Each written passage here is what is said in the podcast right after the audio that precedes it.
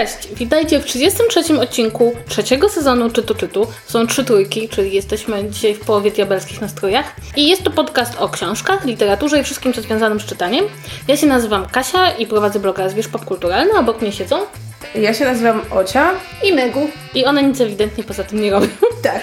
Dobrze, dzisiaj mamy dla Was e, bardzo fajny temat, który jest w ogóle na czasie, bo chcemy porozmawiać trochę o targach książki, po targach książki w Krakowie, które wzbudziły dużo kontrowersji, ale zanim przejdziemy do tego naszego tematu odcinka, e, to chcemy pogadać o książkach, które właśnie teraz czytamy i mamy je w torebkach. I zacznie Ocia. Dobrze. Ja przeczytałam książkę Rzeczy, których nie wyrzuciłem, Marcina Wichy. Książkę ostatnio, ostatnio, powiedzmy od, od ostatniego roku, dosyć głośną, bo zdobyła i paszport polityki, i nikę od jurorów, i nikę od czytelników.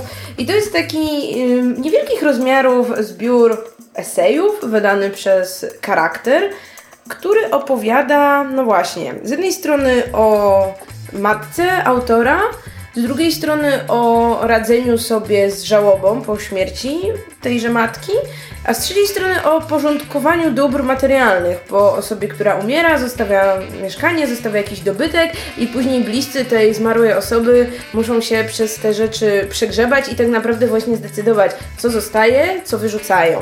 I autor w takich, takich krótkich, no ni to esejach, ni to takich notatkach, wspominkach opisuje właśnie pewne rzeczy, jakie, jakie znajduje w tymże domu i przytacza związane z nimi jakieś anegdotki, jakieś historie, jakieś wspomnienia. I to jest taki, powiedziałabym, mm, bardzo uniwersalny tekst, w którym wydaje mi się odnajdzie się wiele osób. Z jednej strony na pewno osoby, które też przez taki proces przechodziły, osoby, które mogły też stracić jakąś bardzo bliską osobę i o której nie do końca potrafią jeszcze mówić, bo jakby, jak sam autor podkreśla, bardzo trudno jest mu opisywać osobę, mimo że no, byli w tak bliskiej relacji i tak naprawdę ten proces porządkowania tych rzeczy jest dla niego w jakimś sensie takim sposobem też porządkowania właśnie tych swoich wspomnień, czy takich swoich odczuć i obrazu tej bliskiej mu osoby. I jakby pisząc tę książkę w jakiś sposób mam wrażenie próbował tak naprawdę sam, sam ze sobą dopiero dojść do jakichś wniosków. I to co, to, co zostało, no to właśnie to są takie często bardzo mało znaczące historie. To, to niekoniecznie są opowieści o jakichś przełomowych wydarzeniach z życia. To są często jakieś takie niejasne wspomnienia, na przykład z dzieciństwa, dzięki którym poznajemy też na przykład y, czasy PRL-u, na przykład to, jak właśnie trudno było kiedyś kupić książki, bo wśród tych rzeczy, które właśnie autor przegląda i o których losie decyduje, jest bardzo dużo książek. Więc to jest też w jakimś sensie opowieść o, o lekturach jego matki, o jego lekturach także. Jedna z takich, powiedzmy, historii, historii, która zapadła mi w pamięć, dotyczy tego, jak właśnie autor jako mały chłopiec bardzo chciał e, kupić jedną konkretną książkę i chodził codziennie z mamą do księgarni, żeby zapytać, czy może ta książka jest. I chodził tak długo, aż pani, która w tej księgarni pracowała, jakby zapamiętała go. I w momencie, jak ta książka faktycznie się w księgarni pojawiła, to mu ją odłożyła, po to, żeby on wreszcie chyba przestał przychodzić i pytać o nią każdego dnia. Zajrzałam też jeszcze, mm, jakby powiedzmy zaczęłam czytać, ale nie skończyłam poprzednią książkę autora. To jest książka y, pod tytułem Jak przestałem kochać design, napisana 3 lata temu, ponieważ autor oprócz tego, że jest eseistą, jest też grafikiem. No i właśnie ta, ta jego pierwsza książka, też takich dosyć niewielkich rozmiarów, to, to z kolei po części taki zbiór wspomnień związanych z jego ojcem, który był architektem i który nauczył go wielu rzeczy Mm, powiedzmy takiego poczucia estetyki, ponieważ to też w tej drugiej książce też ma swoje echa, że mimo, że no to były czasy jakie były i wiele rzeczy, które wtedy, nie wiem, były, były w domach, czy jak, nie wiem, budowano wiele rzeczy, było bardzo funkcjonalnych, a niekoniecznie pięknych.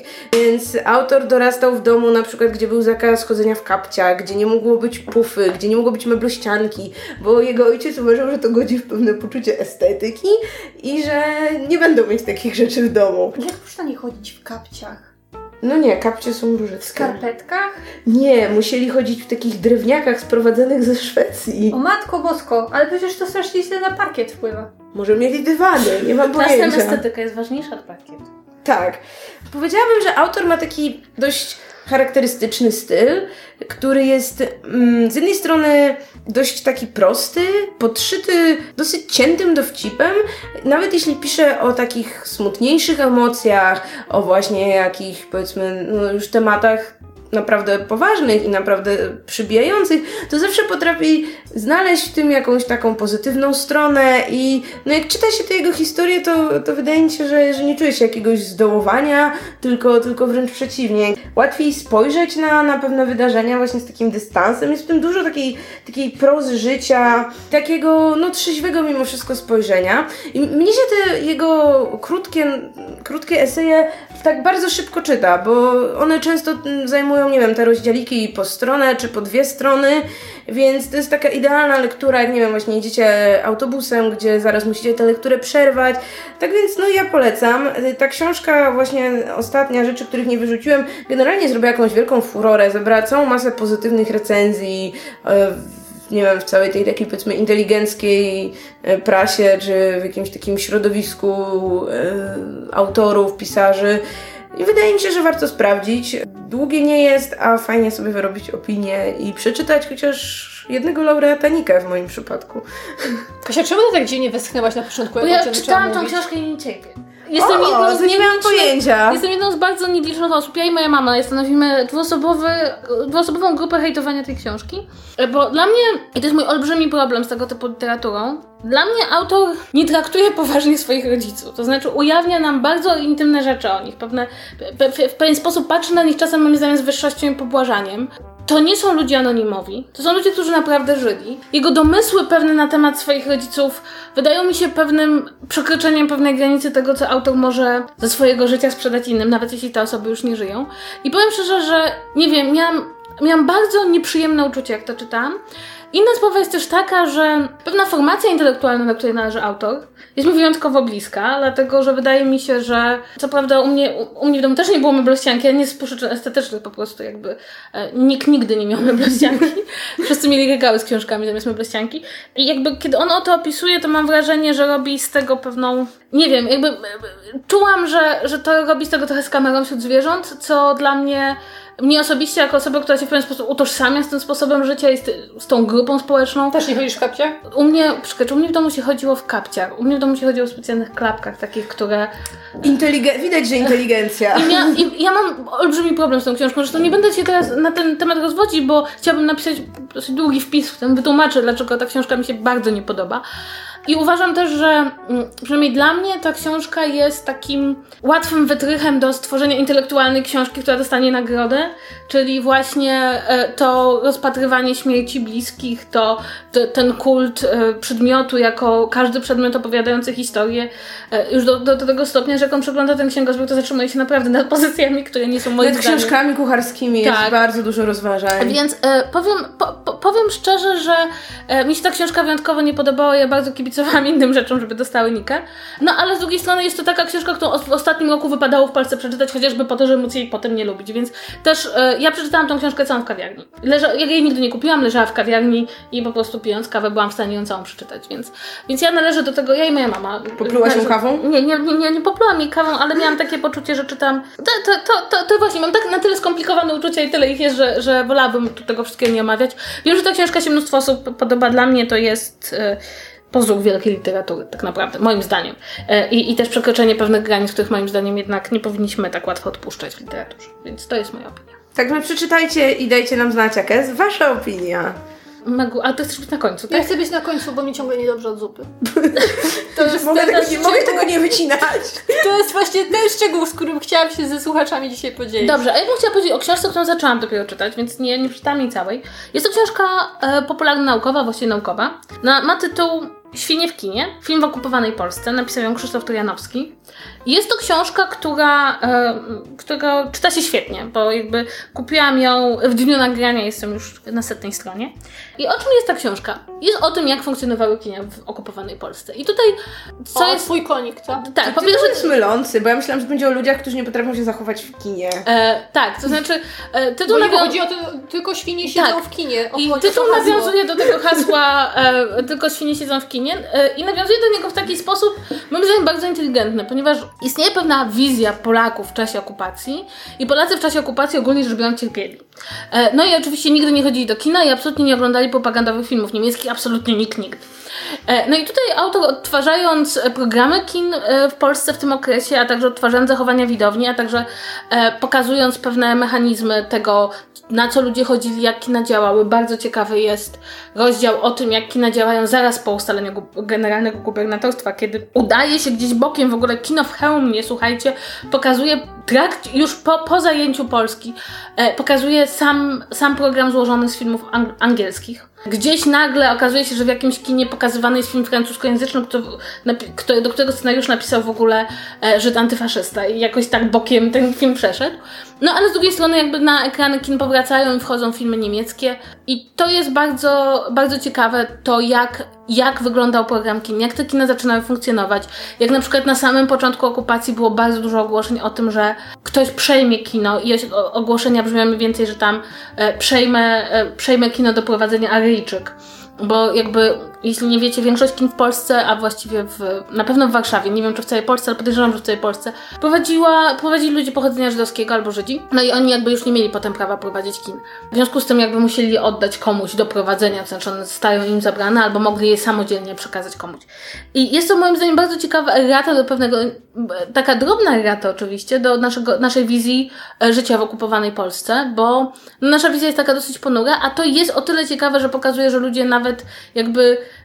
że hasło tylko świnie siedzą w kinie istniało nie dlatego, że ludzie nie chodzili do kina, tylko dlatego, że do niego chętnie chodzili.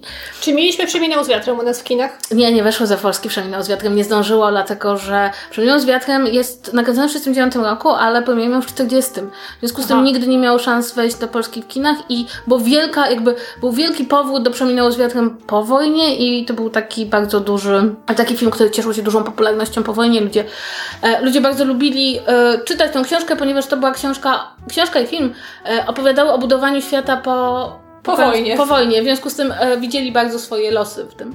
Ale na przykład nagle okazuje się, że jedno kino, rozumiecie, w, już w okupowanej Polsce, już istnieje generalne e, gubernatorstwo, pokazuje Królewna Śnieżka. No tak, bo przecież mieliśmy, no. ten, mieliśmy ten słynny dubbing. Ale wiesz, ale chodzi o to, że jakby jest, e, jakby Królewna Śnieżka jest amerykańskim filmem, pokazywana w niemieckim kinie. Znaczy oczywiście tam, to jest jeszcze wtedy, kiedy Niemcy i, i Stany mają stosunki handlowe, ale nawet jeśli to było bardzo dziwne, w każdym, w każdym razie, yy, co mnie niesłychanie cieszy w przypadku tej książki, to po pierwsze ona uzupełnia pełną lukę, którą mamy w narracji o polskiej kinematografii, bo mamy co prawda takie dużo opracowania o, kinach, o, o kinematografii w Polsce, ale ten okres wojenny od bardzo dawna nie, nie nie doczekał się własnego tekstu osobnego, który koncentrowałby się wyłącznie na tym, na tym czasie. Inna sprawa jest taka, że bardzo mnie cieszy, że to wyszło w wydawnictwie PWN, dlatego że książki poświęcone historii kina bardzo często wychodzą w takich niszowych wydawnictwach i, i tylko kilka osób w Polsce wie, że one w ogóle wyszły. I to się świetnie czyta i e, ja bardzo bym chciała, żeby ktoś napisał jeszcze jedną książkę o e, tych kilku latach między końcem II wojny światowej, a takim absolutnym ustaleniem e, no, nowej władzy tutaj w Polsce, kiedy był taki okres przejściowy trochę, jak wtedy funkcjonowały kina. No ale to może, może ktoś mi to napisze, bo to by mi się przydało. Ale w każdym razie bardzo, e, bardzo polecam, bo można tu też poczytać o aktorach, o kinomanach, co robili kinomani, o reklamach. Ogólnie rzecz biorąc, o, o tym, jak te kina funkcjonowały, czyta się to świetnie, autentycznie. Krzysztof Trojanowski, który napisał tą książkę, ewidentnie umie pisać książki, które są nie tylko naukowe, ale też ciekawe dla czytelnika. I myślę, że to też jest tak, kiedy zawsze, kiedy mówimy o historii, to patrzymy na nią bardzo często przez pryzmat polityczny i to daje nam, albo przez pryzmat propagandowy, i to daje nam pewną wizję tego, jak wyglądała historia. I bardzo często historia kultury czy historia społeczna pozwala nam nieco zróżnicować ten obraz. I mam wrażenie, że ta książka jest nie tylko ciekawa dla ludzi takich jak ja, których interesuje historia filmu i kina, ale też jest ciekawa dla ludzi, którzy chcieliby spojrzeć na pewien okres historyczny, który wydaje mi się, że bardzo dobrze znają, z zupełnie nowej perspektywy i odkryć, że ludzie nie zachowywali się do końca tak, jak nam się wydaje. To znaczy jakby e, nie każdy, nie każdy Polak w tym czasie walczył z okupantem, a niektórzy e, a niektórzy chodzili do kina i całkiem dobrze się bawili. Więc yy, bardzo polecam tą książkę i naprawdę jestem bardzo, bardzo zadowolona, że wyszła, że wyszła w PWN, dlatego że podejrzewam, że, że to jest taka typowa pozycja, która zazwyczaj wychodzi w jakimś takim małym. E, w małym wydawnictwie, zwłaszcza, że to chyba jest, nie, nie chcę, nie chcę mówić jakaś nie wiem, czy doktorancka, czy habilitacyjna praca autora, więc zwykle takie książki nie przebijają się do dużych wydawnictw. Więc ja bardzo polecam. E, być może warto byłoby, e, zanim przejdziecie do czytania tej książki, przeczytać chociażby jakikolwiek rozdział, jakiejkolwiek innej książki o kinie w dwudziestoleciu międzywojennym, bo wiedza o tym, jak wyglądało kino w dwudziestoleciu się Wam przyda, ale nie musicie. Dobrze, to jest, to jest moja zachęta. To Megu, czy już przestałeś czuć zupę? Napiję się jeszcze wody. Okej, myślę, że sobie poradzę. Będę dzielna. Będę czerpać siłę z moich nowych różowych włosów. Oj, masz książkę z okładką pod kolor włosów. Przypadek? E, Ona jest taka bardziej łososiowa, ponieważ ja troszeczkę zmienię temat i ja nie mam dzisiaj do omówienia powieści, ani książki, ani reportażu wydawnictwa Czarne. O nie! Ja dzisiaj Kto podmienił Megu? Kim jesteś? Kim jesteś? Ja na dzisiaj przeczytałam komiks i jest to komiks, o którym wydaje mi się chyba większość ludzi zainteresowanych w jakimkolwiek stopniu komiksem słyszała w ostatnich miesiącach, albo przynajmniej w ostatnim roku, bo to jest chyba bodajże najgłośniejszy polski komiks z 2017. Dostał jakieś tam kilka nagród, ale teraz y, nie pytajcie mnie jakich. I spotkał się z bardzo ciepłym przyjęciem i z bardzo pozytywnymi recenzjami. Jest to totalnie nie nostalgia, autorstwa Wandy Hagedorn i Jacka, Fra- Jacka Frąsia. Wanda jest tutaj e, pomysłodawczynią i e, z, Scenarzystką? a właśnie, to słowo, zgubiłam je. I scenarzystką komiksu, Jacek Frąś e, jest ilustratorem. Czy ja mogę powiedzieć, że Frąś to jest jedno z najpiękniejszych nazwisk, jakie w życiu słyszałam? Pan Frąś na pewno będzie Ci wdzięczny, jak to usłyszy. To jest komiks wpisujący się w taki e, nurt komiksów autobiograficznych, które za pomocą jakiegoś wycinka dzieciństwa i dorastania danej osoby e, pokazują e, świat, w którym ówcześnie, e, w którym u, u, ówcześnie autor żył. Autorka tutaj bardzo mocno inspirowała się Funhouse autorstwa, przypomnijcie mi, Bechdel, na, na podstawie którego później powstał również musical na przykład. A także jeżeli ktoś czytał Marżans- Marżansa Trapi i Persepolis, to to są e, bardzo podobne wpływy. Tak samo jak ten komiks o, taki polsko-francuski komiks też o dziewczynce wychowującej... O, o, tak, właśnie, Marzi. O dziewczynce wychowującej się w PRL-u. Tutaj mamy bardzo podobną historię, ponieważ e, Wanda Hagedorn również wychowała się w PRL-u. Opowieść się zaczyna w roku 62, kiedy ona mieszka w Szczecinie i ma lat, ma lat kilka, kilkanaście, jest małą dziewczynką z kokardami we włosach i po prostu e, takimi krótkimi rozdzia- rozdziałikami opisującymi różne wycinki jej życia. Wanda opisuje nie tylko ówczesny ustrój widziany oczami dziecka, ale również pewne swoje osobiste dojrzewanie do takiego, powiedzmy, ideologicznego przebudzenia, do tego, jak ona dorastała do swojego obecnego feminizmu, opierając się głównie na relacjach panujących w jej rodzinie, ponieważ ona wychowała się niestety w rodzinie, w której e, ojciec był tyranem i prał zarówno żonę, jak i swoje cztery córki.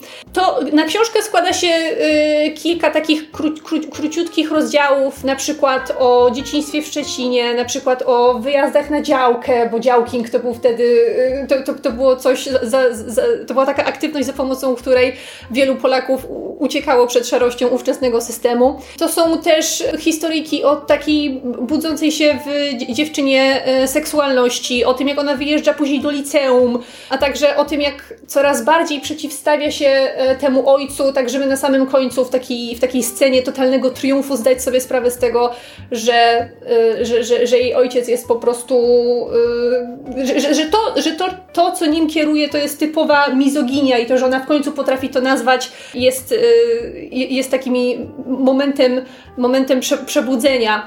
Jest tam też bardzo wz- wzruszająca historia o tym, jak ona radzi sobie z Alzheimerem ukochanej babci, która w pewnym momencie umiera, a także takie, nie powiedziałabym chwytające za serce, ale strasznie e, przej- przejmujące i szokujące momenty o molestowaniu seksualnym, o tym, jak bohaterka widzi na własne oczy, jak kilkoro dzieci na ulicach Szczecina zostaje zmiażdżonych przez czołg na, w czasie parady wojskowej i tak dalej. Także takie, to są takie małe epizody narysowane bardzo prostą kreską. Tak, nie wiem, ja bym ją może troszeczkę porównała do tego autora, który rysował Tymka i Mistrza. Nie wiem, czy, nie wiem, czy kojarzycie taki komiks. Nie, nie, nie, nie. Ja nie. Tymek i Mistrz. Bardzo, bardzo, stara, bardzo stara polska rzecz, ale, ale, ale fa- fajne, to, fa- fajne to było. Ja po prostu jestem wielką fanką takich, e, takich historii, które po prostu opowiadają o czyimś życiu, a niekoniecznie muszą, musi wyni- wynikać z tego jakiś wiekopomny morał, ponieważ ta historia mówiłam o tym, że kończy się w takim momencie przebudzenia bohaterki, kiedy zdaje sobie sprawę z tego, jakim tyranem jest jej ojciec, ale, ale z drugiej strony to nie jest coś, czego my jako czytelnicy byśmy się w ogóle nie spodziewali, ponieważ od samego początku widzimy, jak ten ojciec, e, jakim jest człowiekiem i jak traktuje e, swoich, e, swoich najbliższych. Więc to nie, jest, to, to nie jest historia z morałem, ani z jakimś wielkim przesłaniem, chociaż widać, że tutaj autorka, która obecnie mieszka za granicą i tam po prostu działa w różnych organizacjach kobiecych, dlatego jest mocno zdeklarowaną feministką i widać na kartach tego komiksu, jak ona próbuje pewne elementy takiego ustrukturalizowanego feminizmu przekazać swoim czytelnikom, żeby niektóre pojęcia wyjaśnić albo wyjaśnić historię e, całego ruchu, jak, jak, on, jak on się rozwijał i z czego się tak właściwie wziął. Ale, e, ale jest to po prostu historia czyjegoś życia. Co, chcesz, do, do, chcesz dotknąć? dotknąć? Kasia, chcę dotknąć książkę, proszę. Mm, macu, macu. Kultura gniewu to wydała. Tak. Kul, kul, i, i, I bardziej tutaj chodzi o ukazanie tego obrazu ówczesnego PRL-u, który, który bohaterka zapamiętała ze swojego dzieciństwa. I jako dla osoby, która nie miała absolutnie z tymi czasami, dzięki Ci Boże za to styczności, ja zawsze doceniam bardzo takie, takie obrazki, bo one właśnie pozwalają mi westchnąć nad tym, uff, jak ja miałam szczęście, że nie musiałam mm. przeżywać tego, co ona. E, w każdym razie ja, jest, ja komiks pochłonęłam bodajże dwie godziny, bo to się czyta bardzo szybko i niesamowicie wciąga i strasznie mi się podobało, chociaż wiadomo, że jest to rzecz, rzecz, która miejscami jest mo może być dla niektórych triggerująca, jeżeli chodzi o e, przemoc fizyczną, przemoc, e, przemoc seksualną, molestowanie i tak dalej, bo takie wątki też tam się pojawiają, ale nie dziwię się, że to był taki e, głośny tytuł w zeszłym roku i że tyle osób wyrażało się o nim w samych superlatywach, bo jeżeli by się to porównało właśnie do, tego, do, do komiksu Bechdel czy do e, Marżansa Trapi, to to w ogóle poziomem nie, opowiadania historii, poziomem rysunku w ogóle od, od nich nie odbiega. Także y, jest to pozycja stojąca na bardzo, bardzo wysokim poziomie i ja ją serdecznie polecam. No to tak wyszło, że w tym tygodniu jesteśmy bardzo intelektualni, czytamy nagrodzone komiksy, nagrodzone książki. Tak. E, I dlatego przejdziemy do rozgrywki ludzi, którzy lubią książki, czyli do wizytowania yeah. targów książki, ponieważ skończyły się w ostatnich dniach targi książki w Krakowie. Tak, targi książki dość kontrowersyjne, bo... I to jeszcze zanim się zaczęło. Tak. To w ogóle jest dosyć ciekawe. To znaczy, e, musimy powiedzieć, że kiedy ktoś mówi w Polsce zdanie kontrowersyjne targi książki, to to już jest... Wiedzcie, że coś się dzieje. Tak. Więc targi książki były już krytykowane w zeszłym roku i w tym roku ta krytyka się ponownie pojawiła i to jest związane głównie z takimi e, kwestiami technicznymi. To znaczy, dojazdu do miejsca, tego jak targi traktują autorów i chyba tego, co najbardziej wzbudziło najwięcej kontrowersji, to znaczy pojemności przestrzeni w stosunku do ludzi, którzy chcieliby te targi odwiedzić.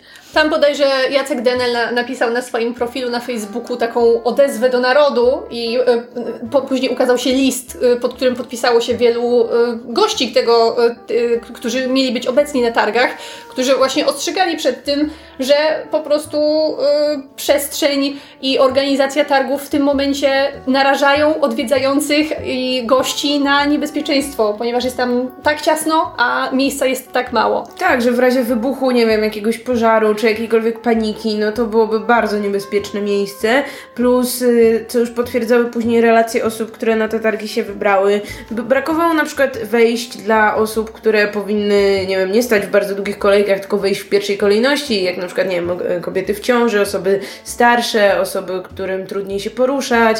Y, generalnie y, przeczytałam z kolei na profilu Zygmunta Miłoszewskiego, że on się zorientował, że z targami książki jest coś nie tak, jak powiedział swojej żonie, żeby nie przychodziła tam z ich dzieckiem że to jest, nie, jest nie, to nie jest bezpieczna przestrzeń, żeby spokojnie mogło czuć się tam dziecko. Ale wiesz, że ja jest... powiedziałam dokładnie to samo moje, mojemu bratu, jak powiedział, że chce jechać do Krakowa na targi książki i powiedziałam, żeby nie jechał z dziećmi. Tak, co jest kuriozalne, no bo na targach książki są z reguły atrakcje dla dzieci, są wydawnictwa wydające literaturę dziecięcą, czy autorzy, którzy też chętnie rozdają autografy młodym czytelnikom, więc jeśli mamy do czynienia z targami, gdzie osoby zaczynają się czuć niebezpiecznie, albo gdzie uważają, że to nie jest miejsce dla rodzin z dziećmi, no to coś jest nie tak, no bo to powinno być właśnie takie ogólnorodzinne święto książki, na które każdy może komfortowo dotrzeć, na które każdy może wejść i każdy może czuć, że nie zginie, będąc na targach książki. Tak, zwłaszcza, że musimy od razu zaznaczyć, że takie książki wydaje mi się są dosyć specyficzne, jeśli chodzi o organizowanie przestrzeni, ponieważ musimy założyć, że osoby, które przychodzą na taką imprezę,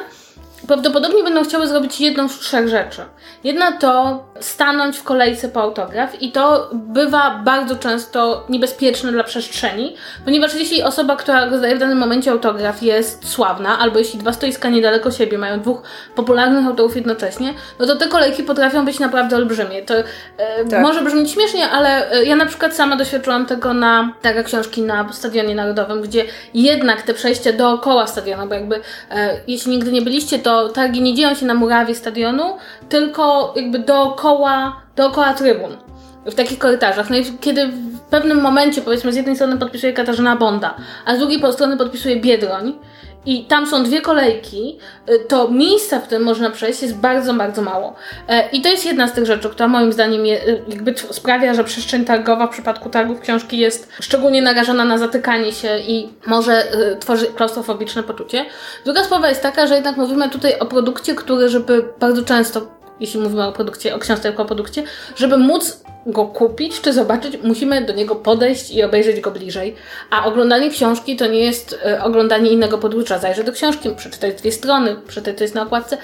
Co bardzo często oznacza, że osoby, które podchodzą do stoisk, stoją tam dłużej niż przy przeciętnym e, stoisku, powiedzmy, no nie wiem, na przykład na konwentach fantastycznych, tak? tak? Podchodzisz na konwent fantastyczny, patrzysz, zabawne rzeczy, ale nie ma nic Harry Pottera, idziesz dalej, tak? Tutaj jednak mimo wszystko ludzie dłużej stoją, co oznacza, że jeśli ta przestrzeń jest mała, no to dochodzi nam taka warstewka ludzi z obu stron zazwyczaj, która stoi przy tych stoiskach i, e, i stara się do, dotrzeć do książek i je przeczytać. No i wydaje mi się, że trzecia rzecz, która jest jeszcze ważna, no to mówimy o tym, że to, to jest jednak mimo wszystko wciąż wydarzenie kulturalne, na które człowiek chciałby pójść e, z takim poczuciem, że jest przestrzeń, żeby spokojnie zobaczyć tę książkę, zajrzeć, zadać jakieś pytanie autorowi, zadać pytanie wydawcy, a nie, że jesteśmy w tłumie, ścisku, duchocie. I zasadniczo rzecz biorąc, tutaj pojawia się pytanie, to po co my na tych targach książki jesteśmy? Bo przecież gdyby chodziło tylko o to, żeby, nie wiem, przebiec, kupić książkę, kupić to książkę, to mamy... Zamówisz w internecie, tak? tak? Więc y, dla mnie to jest na przykład y, jakby dosyć istotne, że Mam wrażenie, że się bardzo zmienił sposób myślenia o targach książki i obecnie traktuje się to po prostu jak zwykły biznes. W zwykłym biznesie chodzi o to, żeby wcisnąć jak najwięcej autorów, w jak największą, w największą ilość stoisk, największej ilości wydawnictw. E, I niekoniecznie jest o tym takie myślenie, że jest to wydarzenie kulturalne, które musi być oddech i przestrzeń, żeby móc się cieszyć tym, że, że te książki wychodzą do ciebie i ci autorzy tam przyjeżdżają. Co ciekawe, to te przestrzenie targowe ostatnimi czasy jakby nie zwiększają się, to znaczy y, w tych, znaczy teoretycznie Kraków tam dodatkową jakąś halę dołączył y, w stosunku do ubiegłego roku, ale generalnie targi ostatnimi czasy odbywają się w tych samych miejscach, w którym jakby już się ustabilizowały, no czyli na przykład w Warszawie na Stadionie Narodowym od kilku lat. I ja sprawdziłam dane, jeśli chodzi o odwiedzających, tak więc w 2017 2017 na Stadionie Narodowym było 75 tysięcy osób, a już teraz w ostatnim roku 8,5 tysiąca więcej, więc tych ludzi zainteresowanych tematem z roku na rok przyrasta. Przyrasta liczba wydawnictw, które chcą się na takich targach wystawić, więc potencjalnie wzrasta liczba stoisk, a przestrzeń pozostaje taka sama. I wydaje mi się, że na tych targach książki w Warszawie no nie ma jeszcze takiej tragedii i no nawet kolejki nie są jakieś bardzo długie, tam z reguły postoi się ten kwadrans i, i się wchodzi, ale że jednak no, czuć ten tłok i przez to, że jak, jak to jest logistycznie zorganizowane, tak jak e, Kasia powiedziała o tym, że do wydawnictwa się, do stoiska wydawnictwo podchodzi, żeby wziąć autograf albo żeby kupić książkę, tylko że to jest jedno stoisko i w momencie jak autor na stoisku wydawnictwa X rozdaje autografy, jeśli dajmy na to, ten autor Cię wcale nie interesuje, tylko chcesz podejść do tego stoiska, obejrzeć inne książki, to to jest praktycznie niemożliwe, bo te stoiska są jakoś tak zorganizowane, że ta kolejka skutecznie zagrodzi Ci drogę do czegokolwiek w tym momencie, także do dwóch stoisk stojących obok danego, danego stoiska. No nie, generalnie ja przyjęłam w pewnym momencie taką zasadę, nie podchodzi się w okolice stoisk, na których aktualnie ktoś rozdaje autografy, bo, bo wtedy się nie, nie, nie, ani nie, nie dostać do tego stoiska, ani się nie da przejść dookoła, ani nie da się zrobić niczego. Ja już przyznam, że ja od paru lat nie byłam na żadnych targach książki, ale wcześniej, kiedy jeszcze mieszkałam w Krakowie, to co roku chodziłam na tamtejsze targi i o ile za pierwszym razem to rzeczywiście był dla mnie taki oh, to, to, to, to, to wpadłam w, peł, w pełen zachwyt, kiedy dotarłam tam, bo to był dla mnie pierwszy raz i nigdy wcześniej nie widziałam czegoś takiego, a tam było tyle wydawnictw i wszystkie książki, które chciałam mieć, to było jeszcze e, zanim przerzuciłam się na kupowanie książek wyłącznie w internecie i to było wtedy coś fantastycznego, ale z każdym rokiem narastało we mnie takie przeczucie, że udanie się na takie targi w sobotę e, to, to jest e, to jest godzenie się na bycie Simbą y, i uciekaniem przed antylopami, bo, mhm. bo inaczej ba było bardzo, tru bardzo trudno przeżyć, bo to, jakie tam tłumy uderzały w sobotę, to przechodziło ludzkie pojęcie. Więc jeżeli ja parę lat temu miałam takie zdanie i już wtedy bałam się na nie chodzić, to nie wyobrażam sobie, jak to musi wyglądać teraz, bo rzeczywiście, tak jak mówiłaś, z roku na rok odwiedzających targi jest więcej. Ale to, to ciekawe, co powiedziałaś o tej sobocie, bo właśnie pojawiły się takie głosy na zasadzie, no właśnie, jak wam jest ciasno, to nie chodźcie sobo w soboty, chodźcie w czwartek albo w piątek. I osoby, które faktycznie też na to wpadły, odpisywały, że to wcale nie załatwia problemu, bo w w czwartek i w piątek chodzą wycieczki szkolne. I ponoć teraz na tych targach w Krakowie liczba wycieczek, które przyszły w czwartek i w piątek, była tak porażająco wielka, że to wcale nie sprawiło, że było luźniej i że można było cokolwiek więcej zrobić, a z kolei targi, wszystkie te powiedzmy najgłośniejsze atrakcje czy najatrakcyjniejszych pisarzy ustawiają wszystko równocześnie na soboty, więc równocześnie na, na bardzo trudno jest w sobotę nie przyjść. A z kolei nawet jak się przyjdzie w czwartek i w piątek, to ludzi jest tak samo dużo. Ja sobie nie wyobrażam zabrać wycieczki szkolnej. Być mm -hmm. nauczycielem i zabrać wycieczkę szkolną na targi w, w, w, w, Krakowie. Przecież to jest, to jest, to jest pewna śmierć. No, no najwyżej, o Jezu, no, tam Zgubi zabrałaś trzydziestkę, wróci 25, Albo przetrwają najsilniejsze. Słuchajcie, ja w ogóle, bo to jest, to jest w ogóle bardzo ciekawe, ponieważ ja na takie książki chodzę całe życie, ponieważ moi rodzice zabierali mi na takie książki, kiedy byłam małym dzieckiem i to było Pamiętam, że e, ja chodziłam na takie książki, jeszcze były w Pałac Kultury w Warszawie. Też jeszcze Międzynarodowe targi książki. Od, od ilu lat są na stadionie? O, Trzech? Tak, tylko że to nie było cztery? tak, bo to był, najpierw był stadion, potem był Torwar, jeszcze był przez kilka lat. Potem On, był pałac. Tak, znaczy pałac, pałac był przez bardzo wiele lat.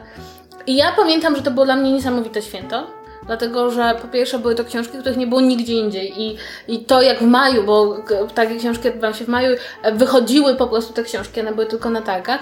No, ale między innymi były to też międzynarodowe takie książki, gdzie było bardzo dużo e, prozy anglo, anglojęzycznej, francuskojęzycznej, niemiecko, e, z całego świata. No i przejście przez takie takie książki było zawsze niesłychaną e, przyjemnością. Oczywiście Pałac Kultury nie był idealny pod tym względem, chociaż miał pewną zaletę, która moim zdaniem e, jest niedoceniana, to znaczy można było bardzo dużo, tam jest naprawdę bardzo, bardzo dużo pomieszczeń w, w, mm, Ale pałacu... bardzo wąskie korytarze, Tak, nie? niektóre, ale niektóre tak. z kolei nie. W każdym razie pamiętam, że ten, że było to dla mnie duże przeżycie, ale mam wrażenie, że problem jaki stał się z targami książki jest taki, że one trochę nie za bardzo wiedzą czym chcą być. Znaczy, czy chcą być miejscem, gdzie powiedzmy wychodzą wystawcy i mówią, to są nasze nowe książki, proszę zobaczcie nowe książki, czy chcą być miejscem nastawiony na przykład na zbieranie autografów od autorów i wtedy być może należałoby ich wyjąć z tych stanowisk e, wydawnictw i przenieść na jakąś główną scenę, czy przenieść w ogóle gdzie indziej i zrobić trochę tak, jak się robi na, na innych festiwalach, gdzie jesteś w stylu dyżurów autografowych, to znaczy ludzie, którzy idą po autograf do autora, nie za, nie, niekoniecznie robią tłok pomiędzy stoiskami.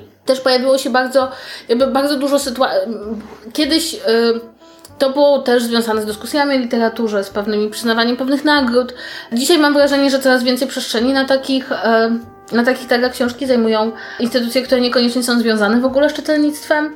No, niektórzy mówią, że największym hitem i w ogóle najładniejszą rzeczą na całych krakowskich targach książki był kącik Ikei. E, który Serio? Był... Kącik Ikei? Tak. A co oni tam robili? E, Ikea zrobiła taki kącik dla dzieci, który potem przekaże jednej z bibliotek. Więc jakby ja nie mam żadnej pretensji do Ikei i to bardzo fajnie. No ale to trochę pokazuje zmianę myślenia o tym. I i też jakby jak mówimy o, o tym chodzeniu w sobotę czy w piątek, to też dla mnie wynika problem z tego, że to jest bardzo duży biznes w tym momencie takiej książki. Jest jej stosunkowo niewiele w Polsce, jednak wciąż. E, I wydaje mi się, że no, nie da się ukryć, że większość problemów, o jakich się mówi, e, wynika z chęci zarobienia jak najwięcej. I co mnie ciekawi, że się autorzy zbuntowali. To znaczy, że mm-hmm. ten bunt wynika nie tylko od uczestników targów, ale też od autorów, którzy z kolei wskazują, że już mam troszeczkę dosyć, żeby ich traktować na zasadzie proszę, tu jest Iksiński, nie daliśmy Iksińskiemu wody, e, nie ma czym oddychać i on teraz będzie przez 5 godzin mm. no, podpisywał książki. Wydaje mi się, że to jest ciekawe, ale, ale jedna rzecz, która dla mnie jest intrygująca, no mówimy jednak o kraju spadającego czytelnictwa, na którym jest problem, bo są za duże tłoki na targach książki. Tak, to brzmi trochę absurdalnie, prawda? Że niby nikt nie czyta, a 83,5 tysiąca osób przychodzi na targi książki w Warszawie. I to jest pytanie, czy właśnie dlatego, że te takie książki stały się czymś innym niż same takie książki, stały się pewną e, atrakcją, czy może e, czytanie stało się na tyle taką rozgrywką dla wybranych, że ci ludzie, którzy już naprawdę czytają, stali się takimi hardkorowymi czytelnikami. To znaczy, Tak, to chyba tak jest.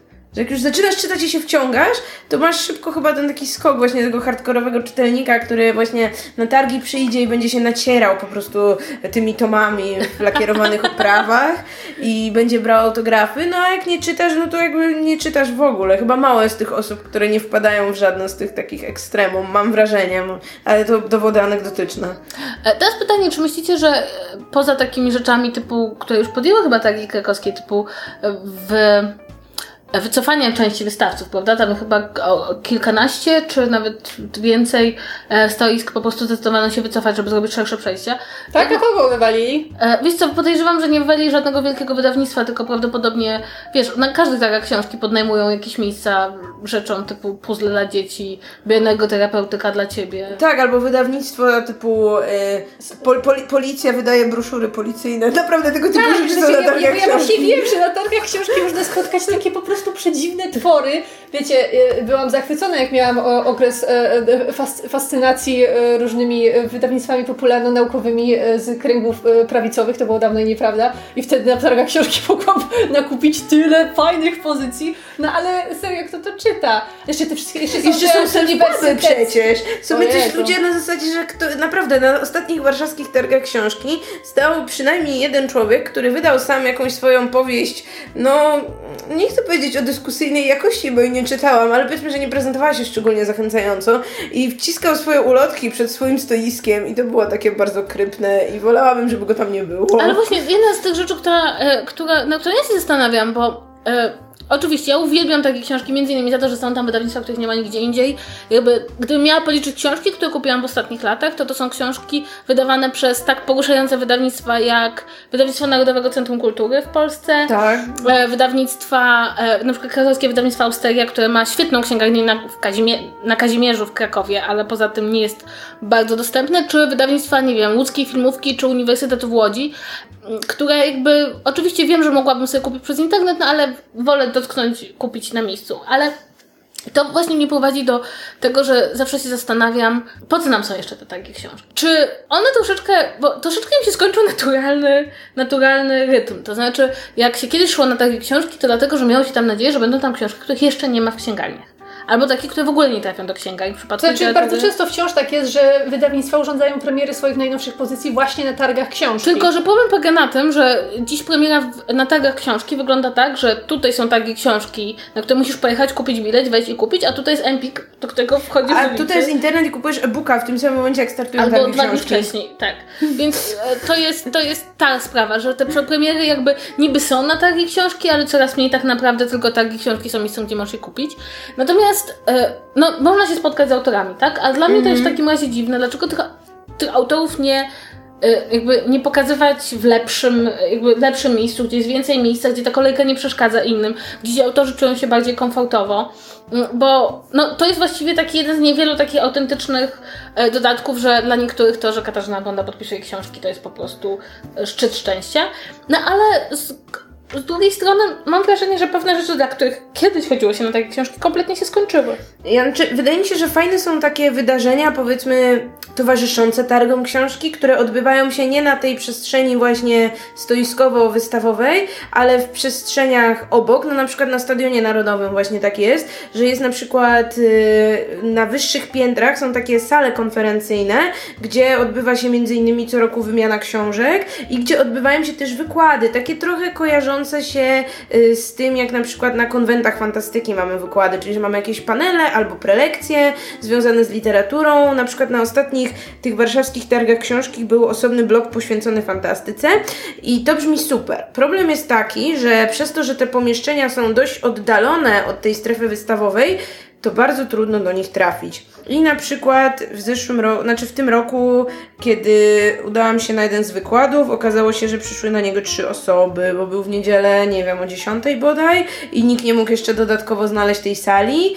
Oczywiście organizatorzy się upierali, że były świetnie oznakowane, no i jakby okej, okay, tak, były jakieś strzałki i była jakaś mapa, ale piętro, na którym znajdowała się ta, ta, ta przestrzeń, gdzie, gdzie ten wykład się odbywał, była jakoś między piętrami. Trzeba było najpierw na górę, a potem zjechać na dół, czy coś w tym stylu i dotarcie tam naprawdę nie było proste. Ale to ja mogę powiedzieć, ponieważ ja prowadziłam jeden z takich... Tak, ja prowadziłam, kolejne. Ja prowadziłam rozmowę z Anną Brzezińską, która tak. to było te, to, chyba tuż po tym, jak wydała Córki Wawelu. No, jednak mimo wszystko autorką znaną, lubianą i popularną miałam z nią możliwość rozmowy jeden na jeden i rozmawiałyśmy ogólnie rzecz biorąc o historii i o, o realizmie historycznym. O koronie królów. O koronie mm. królów. Rozmowa była bardzo ciekawa, świetnie się bawiłyśmy.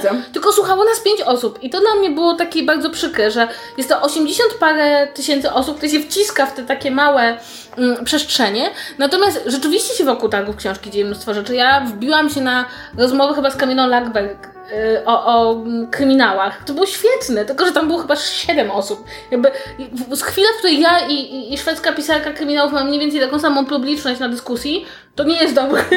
to znaczy, że coś jest nie tak. Ale mam wrażenie, że właśnie, że to jest problem, bo te wydarzenia towarzyszące, które jakby powinny decydować o takim kulturalnym charakterze całego wydarzenia, o tym, że tak naprawdę to nie jest tylko, e, nie wiem, spotkanie na zasadzie wciśnimy jak najwięcej książek tak, ludziom, to nie jest tylko, tylko targ. No tak, e, są mniej reklamowane, ponieważ właśnie ten komercyjny wymiar targów jakby wygrywa. I powiem szczerze, że zastanawiam się, czy, czy właśnie e, jakby po, nie, pewnym remedium nie byłoby podzielenie targów na dni, które są troszeczkę bardziej dedykowane różnym rzeczom, na przykład zrobić jeden dzień dniem autografów i po prostu zrobić tak, że jeśli jesteś osobą, która przede wszystkim przychodzi na targi dla autografów, to to jest twój dzień, a na przykład inny dzień zrobić dniem dyskusji, prelekcji, wywiadów, a powiedzmy, nie wiem, trzeci dniem nagród, kiedy wszyscy, którzy mają jakąś nagrodę do przyznania, ją wtedy przyznają. No i każdy mógłby decydować, które z tych tak. wydarzeń towarzyszących są dla niego. Inna sprawa dla mnie jest jednak wciąż problematyczna, to jak bardzo takie książki, przynajmniej te warszawskie, nie wiem jak krakowskie, nie byłam tam, rozrastają się w wydarzenie, które mm, jest coraz mniej związane z książkami, bo jest na przykład festiwal jakichś gier, jest bardzo dużo rzeczy, które są w ogóle niezwiązane z literaturą i mam wrażenie, że to jest ponownie wymiar komercyjny. Planszówki się pod to bardzo często podpinają. Tak, tak, tam jest całe takie piętro, gdzie są prawie, że wyłącznie sklepy, bo są tam wydawnictwa komiksowe, ok, ale dokładnie są też te właśnie stoiska sklepów typu Rebel, albo stoiska właśnie koszulek fandomowych, na które niekoniecznie musi być miejsce akurat na targach książki. Są stoiska antykwariatów, które też, no to są antykwariaty warszawskie. Jeśli ktoś chce sobie kupić książkę w antykwariacie, to też, no wydaje mi się, że że to nawet nie jest promowanie nowości wydawniczych, a znaczy, to zajmuje całą masę miejsca. Znaczy ja jestem bardzo, bardzo byłoby fajne, gdyby pokazywały się te antykwariaty, tylko że problem polega na tym, że te antykwariaty nie zostają, jakby w antykwariacie najważniejsza jest e, kategoryzacja książek, które tam leżą, a jeśli to jest taki długi stół, na którym tak, po prostu są książki, pudełka to, to szanse, żeby to znaleźć są małe. Ja muszę powiedzieć, że dla mnie pewnym ideałem um, tak dobrze przeprowadzonych targów książki są takie książki historycznej, które odbywają się co roku w Arkadach Kubickiego. One są dużo mniejsze oczywiście i są specjalistyczne, ale to, co jest w nich bardzo fajne, to jest to, że one jakby te sceny, na których dzieją się rzeczy, mają jakby chodzi się po Arkada Kubickiego, co jest takim długim korytarzem po prostu. I też te, te miejsca, gdzie rzeczy się dzieją, są z dwóch stron. Jakby te targi są otoczone przez wydarzenia. W związku z tym, jak chcesz, możesz wejść na to wydarzenie bardzo prosto. Jakby nie musisz tego szukać, to jest na miejscu. No ale ono jest trochę jednak od, odłączone, ale jednak nie jest to tak, że musisz pojechać pięć piętek w dół i, i, sześć, sześć w górę. Jest tam też część antykwaryczna, też trochę odłączona, ale jednak mimo wszystko są książki, to są targi książki, głównie książki. I mm, ja przyznam, że bardzo się smutno poczułam, gdzie jest, było takie miejsce na tegorocznych targach książki, gdzie z jednej strony były jakieś rzeczy podróżnicze, a z drugiej strony pan e, prezentował taką plastikową krojarkę do kapusty. Ja miałam takie wtedy wrażenie, że już doszliśmy do, do jakiegoś jakby do jakiegoś poziomu, do którego nie powinniśmy dojść. Na ostatnich targach książki w Warszawie było też stoisko Thermomixa. Wow! Tak, i... Autentycznie. I to nikogo nie jesteś na Thermomix. może jak stać się, może jak stać się na książki. A ja sobie teraz jeszcze tak pomyślałam, bo skojarzyło mi się to z tymi, e, z amerykańskimi targami książki i na przykład tymi targami książki, które były bodajże w Londynie, co była taka afera z Polską e, parę lat temu. W sensie, że to są, e, to są takie imprezy, które nie są nastawione tak bardzo na sprzedawanie książek, tylko właśnie rozmawianie o tym, co będzie wydawane w ciągu następnego roku i o, o zarzucaniu takich tematów, co będzie się działo na rynku wydawniczym, jakie, jakie są nowinki, jakich książek można się spodziewać. Kiedy na przykład ci amerykańscy youtuberzy, czy booktuberzy, którzy mm. zajmują się, no niestety głównie young adultami, ale jednak jest to bardzo szeroka grupa, która ma bardzo szeroką publiczność, kiedy oni są zapraszani na te targi, które odbywają się w Ameryce, to oni tam jadą głównie po to, y, dlatego że mogą tam dostać kopie y, promocyjne, recenzenckie wszystkich książek, które zostaną wydane w najbliższym czasie, dowiedzą się, jakie będą nowości wydawnicze w ciągu następnych miesięcy. Nie chodzi tylko o to, co jest wydane teraz i w tym momencie, tylko to, co się będzie działo w najbliższym czasie. I zastanawiam się, dlaczego u nas nigdy nikt nie wpadł na to, żeby y, też taką formę przyjąć. Ja nie wiem, zwłaszcza, że E, ja powiem szczerze, jak pamiętam, jak byłam na e, takich festiwalu komiksów. Na festiwalu komiksów co roku jest jeden panel, który polega na tym, że Egmont mówi, co będzie wydawał do końca I roku. to jest najbardziej I dla, mnie, e, I dla mnie to jest e, najbardziej ekscytujący panel całej, całej imprezy i widać też, jak ludzie reagują na te zapowiedzi. I zgadzam się z Tobą. Wydaje mi się, że w Polsce po prostu wydawcy bardzo się boją powiedzieć, co będą wydawać, bo jeszcze tego nie wydadzą, albo nie... No bo nie wiedzą. Tak naprawdę plany wydawnicze, mam wrażenie, są z miesiąca na miesiąc tak bardzo modyfikowane. Ale jest trochę tytułów, które... Po, też, też podejrzewam, że to wynika z innej trochę pracy, pomiędzy autorami i pomiędzy, jakby nie ma tak, że zamówiliśmy najnowszą książkę Stephena Kinga i już wiemy, że w marcu no, będziemy ją wydawać, ale rzeczywiście zgadzam się z Tobą, że mówienie o tym, co dopiero będzie i zrobienie z tego wydarzenia na zasadzie to jest jedyna rzecz, której nie możesz znaleźć w sieci, bardzo by dobrze podziałała na takie książki. Muszę Wam powiedzieć, że ja mam w ogóle z tagami książki, to już tak e, na marginesie, bardzo specyficzne doświadczenie, ponieważ ja dwa razy byłam na tagach książki jako autor. Uuu. E, Czy dostałaś wodę? E, więc e, tak, nie. I, okay. I muszę powiedzieć, że ja wiem, że to zabrzmi strasznie, to znaczy, no ale podzielę się moim insightem, tak? Ja nigdy nie musiałam podpisywać 40 tysięcy książek, czy, czy, czy nawet tysiąca Jeszcze? książek, e, ale chciałabym powiedzieć, że podpisywanie książek jest bardzo męczące. Niesłychanie męczące. Dlaczego? Ponieważ jest to po pierwsze... Musisz być miły i ciągle się uśmiechać. Nie, to znaczy po pierwsze to jest coś takiego, że podchodzi do ciebie osoba, której nie znasz i jest bardzo duża nierówność znajomości. To znaczy, ta osoba coś o tobie wie, albo czyta twoją książkę, ty ją widzisz po raz pierwszy w życiu. I ostatni. I, e, bardzo często ostatni, tak. E, więc teraz tak, pojawia się e, konieczność takiej krótkiej wymiany zdań, którą trzeba kontrolować, ponieważ nie może być zbyt długa, ponieważ jest kolejka. E, potem oczywiście trzeba napisać dedykację i oczywiście już w tym momencie są autorzy, którzy po prostu się podpisują i to wystarczy, no ale jeśli nie jesteś autorem, którego sam podpis po prostu uwznieśla książkę i robi ją mhm. tysiąc razy bardziej e, przydatną, no to wypada się to pytać o imię, dla kogo. Koło dziesiątej książki masz absolutnie dosyć. Albo nie słyszysz, co ludzie mówią, masz tak czasem, że ktoś coś tam mamrocze i ty nie usłyszałaś, czy... To, to, znaczy ogólnie koło dziesiątej książki masz absolutnie dosyć. E, ja chyba najwięcej w swoim życiu podpisałam chyba 40 książek i to było bardzo dużo, jak na mnie. E, więc jak sobie wyobrażam, jak zmęczeni, autentycznie fizycznie zmęczeni muszą być autorzy, no nie wiem, typu Katarzyna Bonda, która musi rozmawiać i podpisywać tych książek setkami. Więc to też jest bardzo jakby to, to, moje doświadczenie pokazuje mi, że coś, co się z boku wydaje bardzo sympatyczne i łatwe i proste.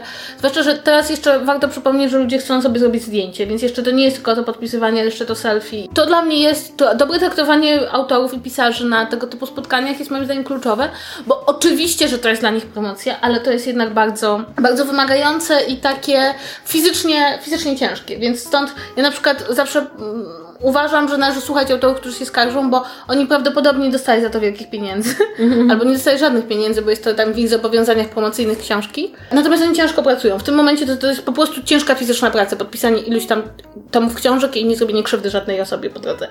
E, I zapamiętanie, jaka jest data. To też jest bardzo trudne. Więc, e, więc dla mnie to, jeszcze jest bardzo ciekawe, że e, ludzie, jakby ludzie, którzy są gwiazdami, przyjeżdżają tam pracować i nawet nie są bardzo często dobrze traktowani.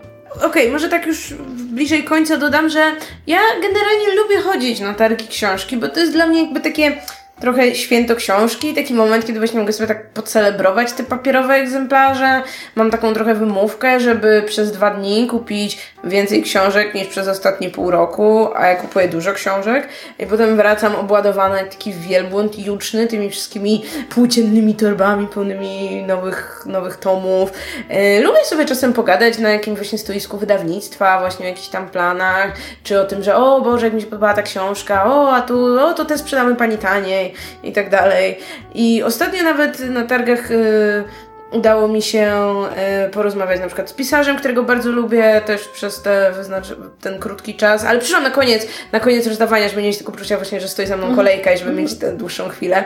Więc y, no ja bym bardzo chciała, żeby właśnie te wydarzenia dalej się odbywały, żeby było dużo tych ciekawych spotkań, o których wspominałyśmy i żeby przychodziło na nie więcej niż pięć osób, żeby było dużo przestrzeni i żeby to było mniej takie właśnie targowisko z termomixami i puzzlami i tak dalej, a bardziej właśnie takie święto książki i super, że jesteśmy tu my, wszyscy czytający Polacy. Będąc niejako w kontrze, jako osoba, która po prostu w pewnym momencie stwierdziła, że targi książki nie są jej potrzebne do szczęścia, chociaż wciąż bardzo dużo czytam i generalnie siedzę w środowisku wydawniczym i interesuję się tym, co się dzieje, to dopóki formuła targów książki się trochę nie zmieni i nie zaoferuje mi czegoś bardziej atrakcyjnego, oprócz samego kupowania książek, które równie dobrze mogę jeszcze taniej kupić w internecie, no to ja prędko na targi nie wrócę. Tym bardziej, że z uporem maniaka unikam wszelkich miejsc, w których są na duże tłumy, bo po prostu nie lubię ludzi w dużych ilościach naraz.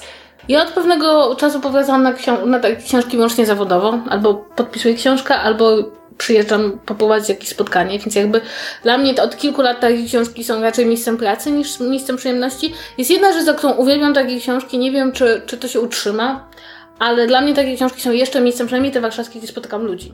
I to spotykam moich tak, bo tam znajomych. jest dużo ludzi naraz. Wychodzisz z piwnicy, Wychodzę spotykasz z- ludzi. Spotykam ludzi, to znaczy po- spotykam znajomych, spotykam czytelników, spotykam słuchaczy, e, spotykam rodzinę i, i to za to bardzo... Spotykam rodzinę.